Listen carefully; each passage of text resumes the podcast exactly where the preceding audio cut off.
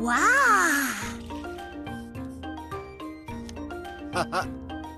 Hauek balio dute. Bai. Presti puin txikiak eta soinu handiak. Itxaro naita, unetxo bat. Ra, ra. Mm. La la la la la la la la la. Primeran, orain bai, grabatzera zeme danbor, Eta ita txor-txor, biok aurkeztuta, ipuin txiki, Soinu handi. gaur gurekin, Taran, taran, tan, tan. Carlota oso polita da eta Paola Sofia Mejiaren eta Paola Pakan txikeren ipuina. Taran, taran, tan, tan. Nekazal eskualdeetan eguberri eta gabon zaharreko jaiak oso bereziak izaten dira.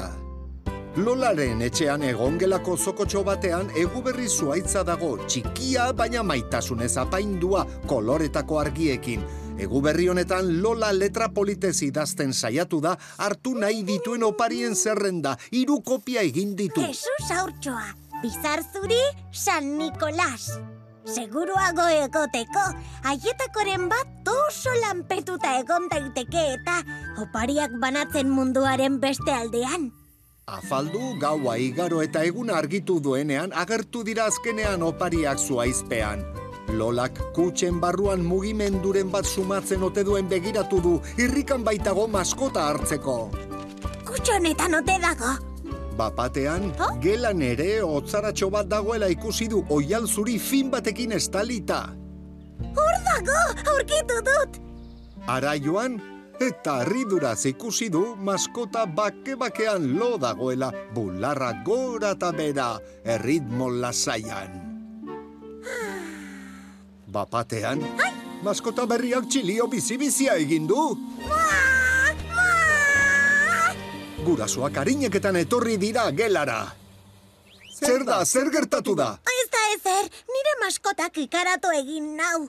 Ai, Lola, badakizu hau zure aizpa berria dela, Carlota dauka izena egu berrietako oparirik ederrena.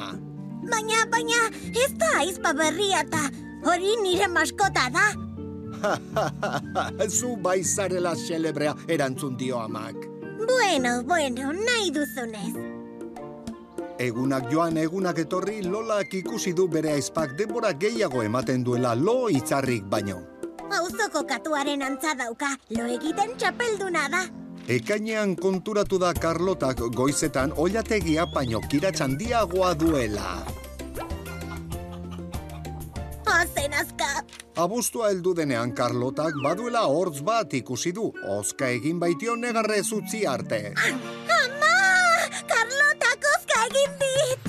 Orduan bere aizpak krokodiloaren hortzak dituela pentsatu du. Rai! Azaroa heldu da, arratsaldean inor konturatu gabe Carlota zutitu eginda eta lehen urratsak bota ditu.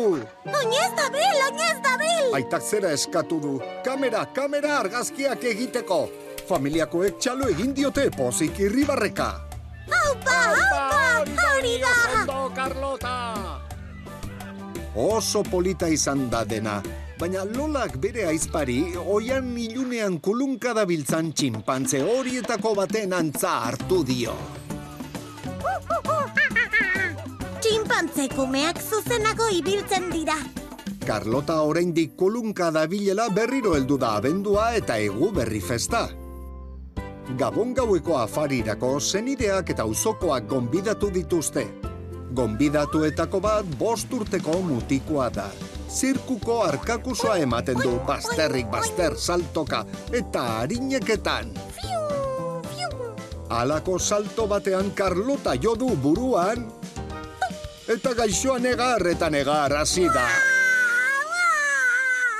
Lolak aurre egin dio. Bere kumeak babesten dituen lehoi ama amorratua baliz bezala. Ez du, ibilgi kontuz! Ez alduzu ikusi aurtsoa zu baino txikiagoa dela! Eh, eh, eh! Eta harineketan joan da bere aizpatxoaren gana, oraindik negarrez gaixoa. Hartu eta lastandu egin du. Eskutxoaz lastandu eta pupu sendatu. Haurtxoa ala lastanduta lasaitu eginda, Zizpuruka besotxoak luzatu eta irribarrez esan du. Gogo, lala. Eta lolak poze zoiuka.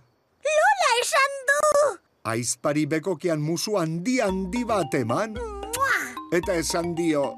Ene aizpatxolaztana polit polita zara. Iaia pertsona zarela ematen du. Eta hala izan bazan, Sardadila kalabazan. Eta irten dadila gure herriko plazan. Tararararan,